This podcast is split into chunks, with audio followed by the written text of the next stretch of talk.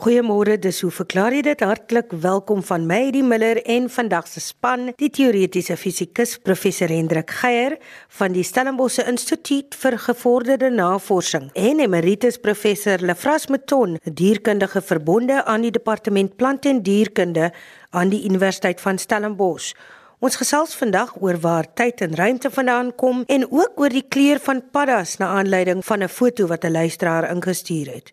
Hendrik se vraag kom van Dr Pieter Klasen van Stellenbosch en dit lê as volg: My vraag is: 1 waar kom tyd vandaan en 2 waar kom die ruimte vandaan? Dit maak my rasend net om daaraan te dink. As ek 'n letter getik het, is dit iets van die verlede en as ek dink oor tyd, is die denke verby. Dit is in die verlede. Hoe lank gaan dit terug? En hoe lank gaan dit nog aanhou? Net so die ruimte. Dit is so oneindig groot. Gaan dit net aan en aan en aan vir altyd? Waar kom dit vandaan? As die lede van jou paneel nie weet nie, weet hulle moontlik wat ander wetenskaplikes en filosowe daaroor geskryf het. Mense soos Einstein en Newton en Darwin. Goeiedag Heidi, uh, goeiedag luisteraars. Dit is met 'n bietjie huiwering dat ek uh, reageer op die twee vrae van Piet Klaasen oor waar tyd en waar ruimte vandaan kom. Uh, dis nie sommer sulke vragies die nie, dis groot fundamentele vrae uh, wat fisici en ander denkers immers al dekades en die nie eeue lank besig hou. Ek sal maar net aan die oppervlak kan krappiet. Ek is bevrees daar is nie definitiewe antwoorde op hierdie vrae ten minste nie nou al nie. Kom ons probeer. Maar uh, voor ek verder gaan, dink ek wil ek jou attent maak daarop dat daar in die onlangse verlede ook meer populêre boeke oor hierdie onderwerp of onderwerpe verskyn het en ek is seker jy sou hulle met vrug kon lees en dit uh geniet om te lees. Uh so hier is die twee boeke. Die eerste een uh, is getiteld About Time en die outeur is Adam Frank. About Time deur Adam Frank. En die tweede Uh, hierdie eerste boek is 'n goeie 400 bladsye lank, uh, maar dit loop wye draaie deur die geskiedenis van tyd, hoe tyd gesien, gemeet en verstaan word. Uh, die volgende boek is getiteld Warmth Disperses and Time Passes. En die skrywer hiervan is Hans Christian von Baer, Baer B A E Y E R. Uh dit is 'n minder formidable boek, maar ek sou sê selfs uh, meer insiggewend en uh, direk op die punt af rondom die vraag oor uh, waar tyd vandaan kom. Uh, verder uh, wys ek daarop dat uh, mens dikwels die stelling lees dat ruimte tyd omdat ons uit die spesiale relativiteit weet dat ruimte en tyd eintlik intiem verklits is.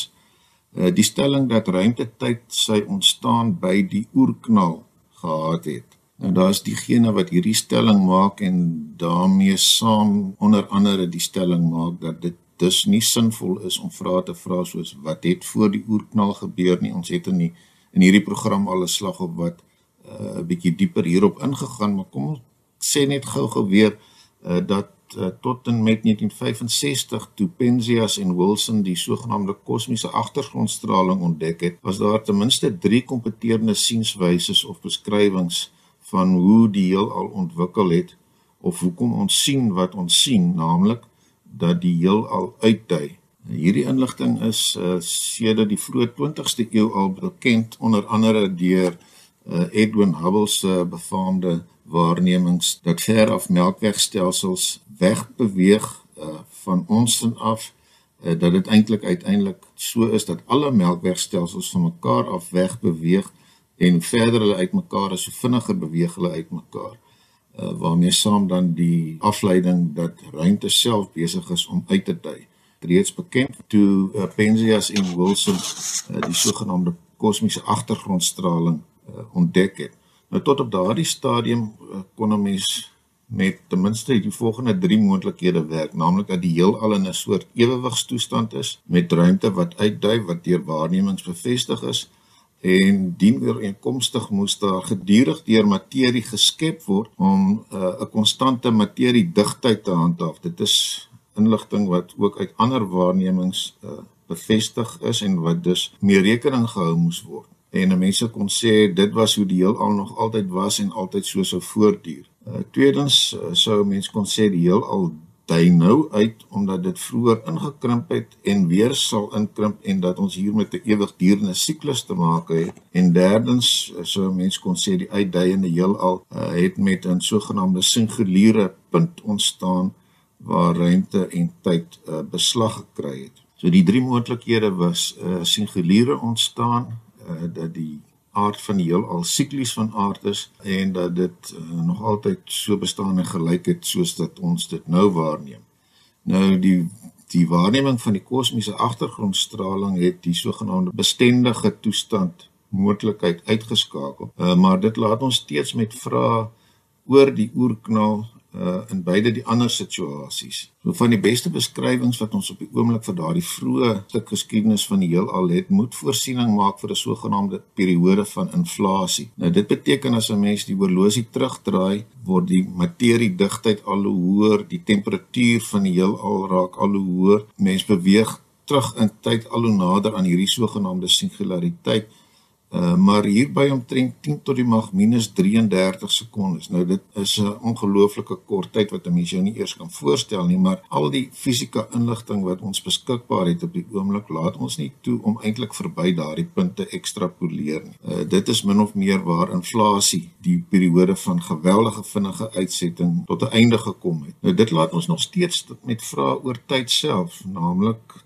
of dit altyd so bestaan het uh en vir altyd sal bestaan of dat dit vir 'n eindige periode bestaan sedert die oerknal uh of dat dit ook siklies van aard is en ek dink eerlik gesproke moet 'n mens eenvoudig sê ons het nog op die oomblik te min inligting beide teoreties en uit waarnemings om tussen hierdie moontlikhede te kan onderskei. So Piet ek sou nou seker hier kon ophou om aan jou vraag aandag te probeer gee maar daar is daar te veel ander interessante dinge wat 'n mens nog oor tyd kan sê Uh so kom ek probeer. Nou eerstens moet ons uitwys dat in die klassieke meganika en elektromagnetisme is tyd sogenaamd omkeerbaar. Met ander woorde, daar is nie iets in die vergelyking self wat 'n vorentoe rigting en 'n terugrigting van tyd uh definieer nie. Dieselfde terloops is ook waar vir die Schrödinger vergelyking wat uh algemeen uh, nie relativistiese kwantummeganika onderlê. So om dit nou meer konkreet te stel as 'n mens 'n video of 'n rolprentopname maak van snoekerballe wat van mekaar af spat nadat hulle uh, gebots het, die kant tref, miskien weer 'n ander bal tref ensovoorts en dit nou nie reg aan die begin is waar die driehoek of piramide van balle gebreek word nie. As 'n mens so 'n video greep vorentoe en terug sou speel, sou 'n mens nie deur net daarna te kyk kon sê of jy nou besig is om vorentoe of agtertoe in tyd te beweeg nie. Aan die ander kant as jy iets in jou astrom gooi en dit afneem en terugspeel, sal jy onmiddellik kan oordeel uh, watter een van hierdie goed uh voorwaarts en watter een terugwaarts in tyd beweeg. Uh een wysneus het gesê die manier om agter te kom of jy met 'n 3 video te maak het is om eenvoudig op te let of die gehoor lag. As daar gelaggery is, dan besef jy onmiddellik uh dat dit nie die werklikheid kan wees wat wat daar afspeel nie.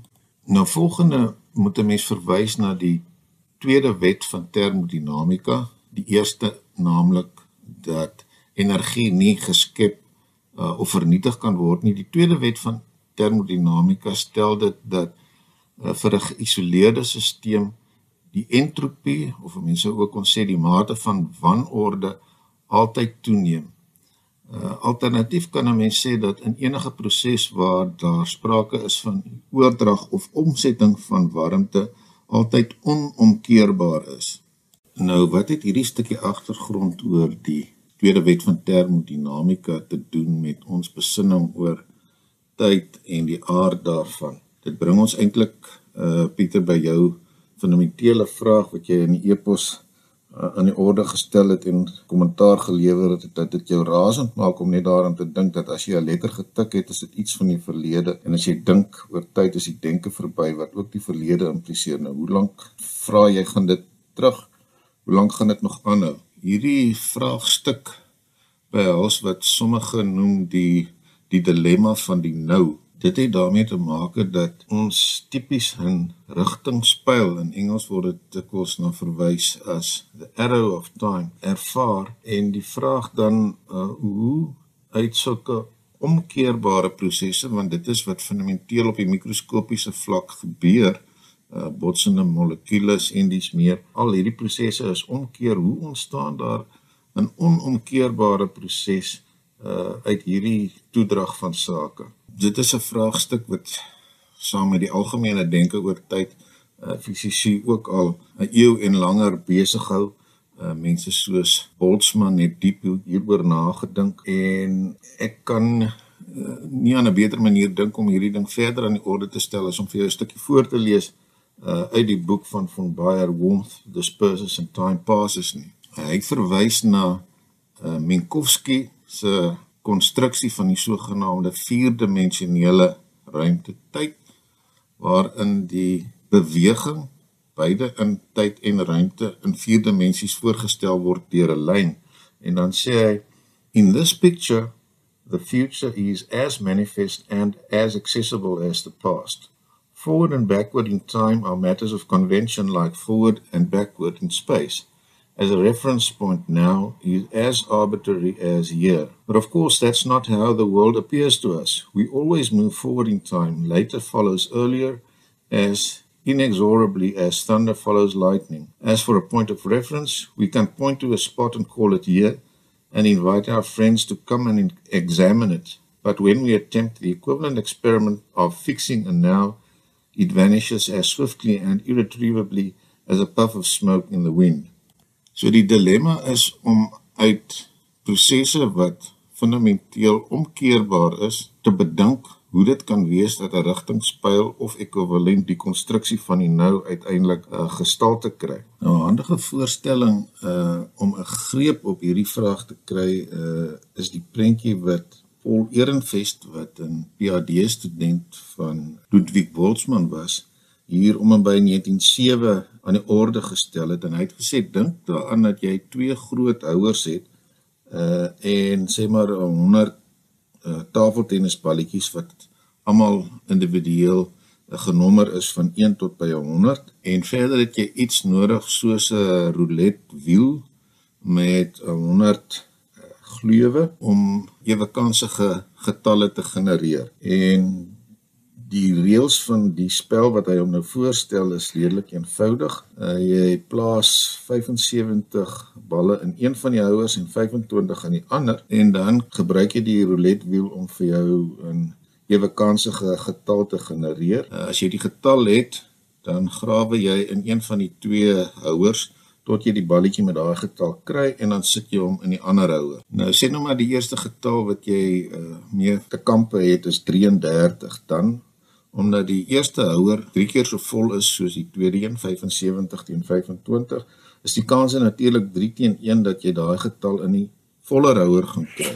Uh, as jy hom nou oorgeplaas het in die ander houer onder die aanname nou dat dit inderdaad die geval is dat hy in die eerste voller houer was en jy trek nou of lees of draai die wiel om 'n tweede getal te genereer sê maar die keer uh, 43 dan is die kans so klein bietjie minder as 1/3 om steeds daai balletjie in die voller houer te kry in watter geval jy hom oorplaas na die leerhouer. Toe nou van tyd tot tyd gaan jy natuurlik 'n getal kry wat impliseer dat jy van die leerhouer na die voller houer oorplaas, uh, maar dit gebeur relatief min. En as jy aanhou met hierdie proses, dan gaan jy uiteindelik by 'n equilibrium situasie kom waar hierdie twee houers ewe vol is en dan uh, gaan jy met klein fluktuasies by hierdie proses bly naamlik dat deur vol te hou met hierdie spel uh, jy nie eintlik noemenswaardig verder aan die uh, relatiewe inhoud van hierdie houers met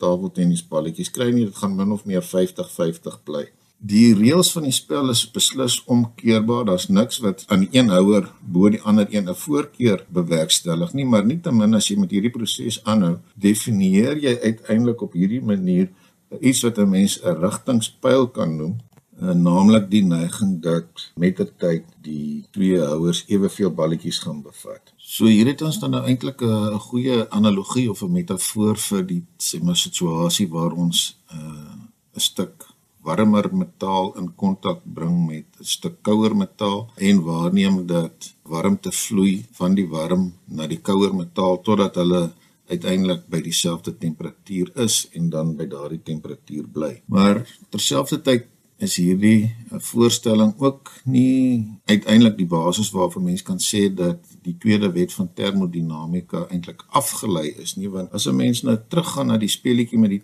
tafeltennisballetjies en vra of dit nie tog moontlik is dat as jy baie baie baie lank aanhou om hierdie speletjie te speel nadat jy by 'n 50-50 verdeling gekom het, dit nie tog kan gebeur dat daar 'n reeks oordragte plaasvind wat uiteindelik gaan meebring dat jy sê maar weer by 75-25 of 70-30 eindig nie. Met ander woorde, 'n hoogs onwaarskynlike, maar tog nie onmoontlike sogenaamde statistiese fluktuasie nie. Nou, wat sê as jy hierdie speletjie oneindig lank speel, uh, dan is dit gewaarborg dat jy so 'n situasie gaan kry want in 'n oneindige reeks van getalle gaan enige volgorde van die 100 getalle nie net een keer nie maar oneindig baie keer realiseer. Dit is waarmee 'n mens te maak het as jy nou met oneindighede begin werk. Nou as 'n mens na realistiese getalle gaan kyk wanneer jy sê maar met gasmolekules werk en iets soortgelyk doen soos hierdie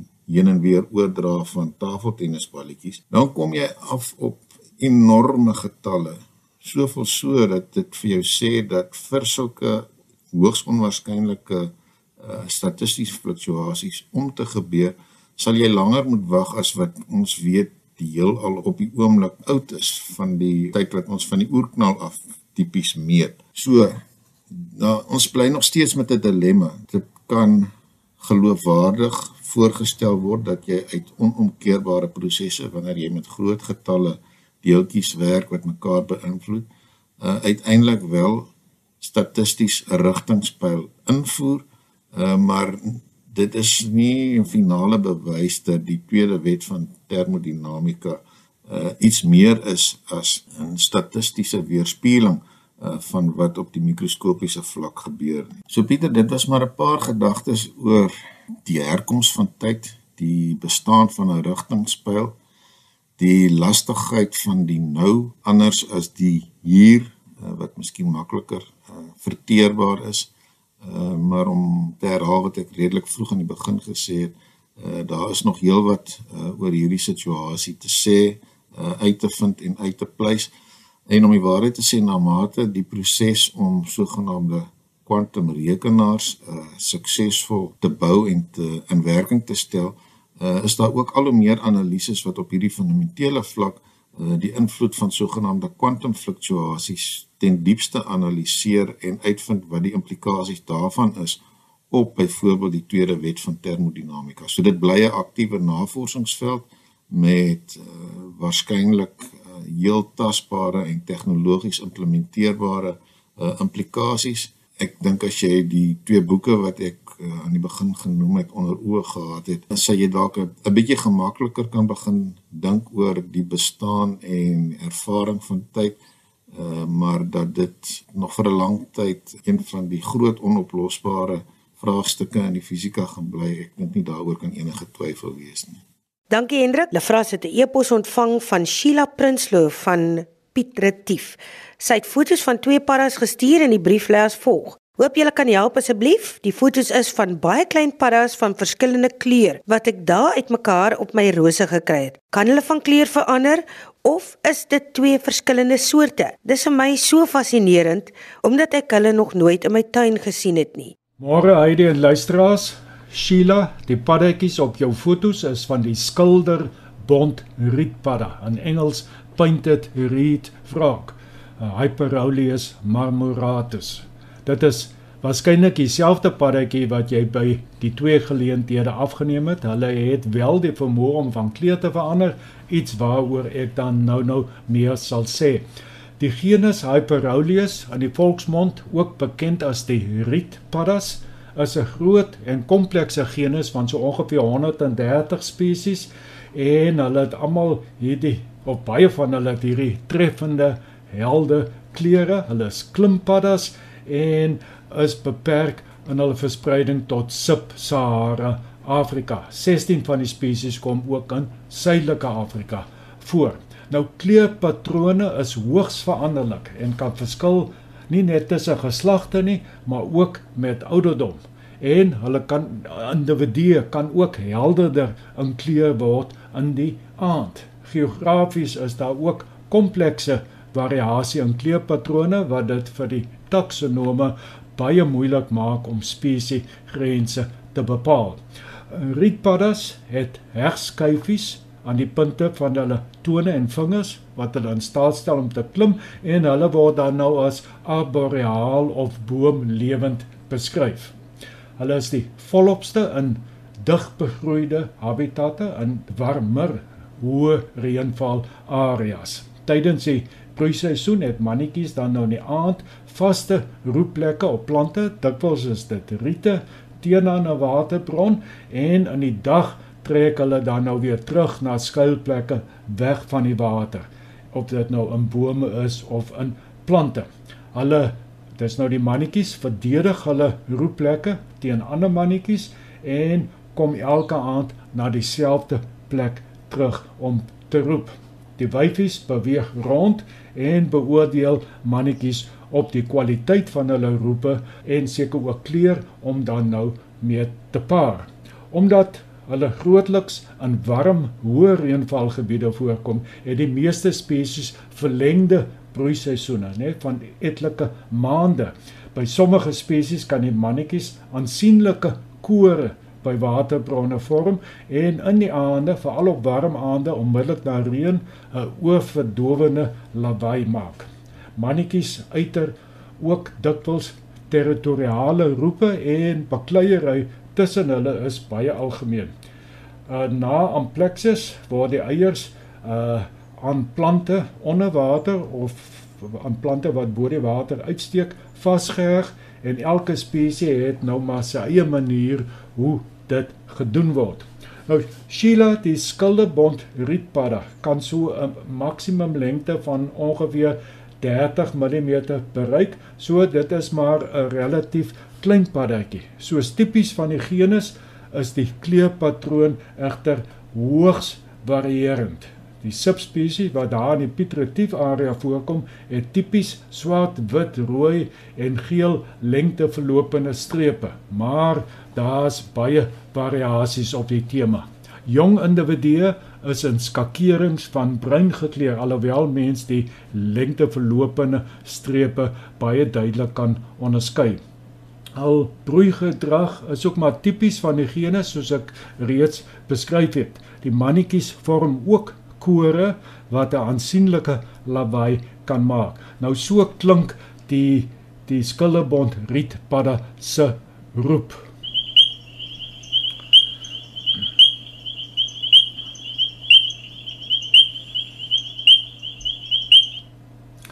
Nou al tipiese habitat is naby waterliggame in savanna, grasveld of woude. Gedurende die dag skuil hulle in die oksels van blare in bome, riete, in jou geval dan nou rose. Soms sit hulle in direkte sonlig met hul pote onder die lyf ingevou. Hul liggaamskleur is dan gryswit om die sonlig te weerkaats. Nou Sheila, ons het nou twee situasies genoem waar rietpaddas hul kleur verander. Eerstens in direkte sonlig uh, raak hulle ligter van kleur en in skaduwee raak hulle donkerder van kleur. Dis nou gedurende die dag. Jou twee fotos wys juis onderskeidelik 'n ligte en 'n donker gekleurde padda. Dit gaan hier oor termoregulering. Nou dan in die tweede geval waar hulle van kleur verander is in die aand, dan raak hulle kleure baie helderder en hier gaan dit nou waarskynlik oor kommunikasie tussen individue. Maar kom ons praat eers oor die donker na ligter kleurveranderings en omgekeerd. Paddas is maar net soos reptiele, ektoterme, dit wil sê hulle maak van uitwendige hittebronne gebruik om hul liggaamstemperatuur te reguleer liggaamskleur bepaal hoeveel gereflekteerde en ook direkte stralingsenergie vanaf die son hulle deur hulle vel kan absorbeer. 'n Donker vel absorbeer meer stralingsenergie en 'n ligte vel weerkaats weer meer. paddas en ook baie van die sagte vel reptiele, ek dink nou spesifiek aan geitjies, het dan die vermoë om deur kleurveranderings die opname van stralingsenergie te reguleer. Ons weet koggemandes en verkleemannetjies het ook hierdie vermoë om donkerder en ligter te word. As ons kom by die tweede tipe kleurverandering by rietpaddas van dowwer kleure in die dag na meer helder kleure in die aand is die situasie uh, waarskynlik 'n bietjie meer kompleks. 'n Mens kan jou indink dat die helder kleure in die dag die paddas baie meer sigbaar vir dagpredatore sal maak. Dis nou as die paddas nou nie uh, goed genoeg kan wegkruip nie. Daar's 'n magdom van voëls wat paddas eet wat in die dag aktief is en natuurlik ook baie dagaktiewe slange. So helder kleure in die dag kan nie 'n goeie ding vir paddas wees nie behalwe as dit waarskuwingskleure is dat hulle giftig is. Nou ons weet rietpaddas is nie giftig nie. Rietpaddas is in die nag aktief. Dit is wanneer hulle voed en al hul broeiaktiwiteite wat soos ek gesê het oor 'n groot deel van die jaar strek plaasvind. Alles dui daarop dat die primêre doel van die rietpadda se helder kleure intraspesiese kommunikasie is uh nie net vir die erkenning van lede van dieselfde spesies nie, maar ook om fisieke toestand soos parasietlading, ouderdom en geslag en so meer aan te dui. Dit klink alles nou baie logies, maar daar's een belangrike vraag. Kan paddas kleur in die donker uh onderskei, met ander woorde in die nag? Uh die oorgrootste meerderheid van nagdiere, dis nog ander diere gebruik nie helder kleure om mee te kommunikeer nie om die waarheid te sê uh, baie van hulle is kleurblind. Die mens byvoorbeeld se kleurvisie is baie goed in die dag, maar baie swak in die nag. So hoe werk dit dan nou by rietpaddas met hul pragtige helder kleure? Die antwoord lê daarin dat die retinas van die volwasse paddas unieke fotoreseptore bevat wat hulle uitstekende kleurvisie in swak ligtoestande uh gee baie beter as die van die mens. Rietpaddas se kleurpatrone word ook grootliks deur kontrasterende kleure gevorm uh wat waarneming aan die donker uh, natuurlik ook makliker sal maak. So Sheila om op te som, die paddatjie wat bedag staan in jou rose skuil is die skildebond rietpadda. Hulle kan al kleur om enige van twee redes verander. Eerstens om absorpsie van stralingsenergie te reguleer en tweedens om sigbaarheid vir predatore gedurende die dag uh en ook vir mekaar gedurende die nag te reguleer. Die meganisme van presies hoe kleurverandering fisiologies bewerkstellig word, dit is 'n storie vir 'n ander dag. Baie dankie vir jou interessante navraag. Dankie aan ons gaste. Emeritus professor Lefras Meton het pas gesels en die vorige brief was beantwoord deur professor Hendrik Geier. Baie dankie aan hulle vir vandag se aflewering van Hoe verklaar jy dit? Ons is aanstaande week terug en dan gesels Dave oor waarom tarantale kolgaanskuikens as 'n bedreiging beskou. Dit behoort baie interessant te wees. Lekker Sondag vir jou verder van my, die Miller en die Hoe verklaar jy dit span. Vrede en lig.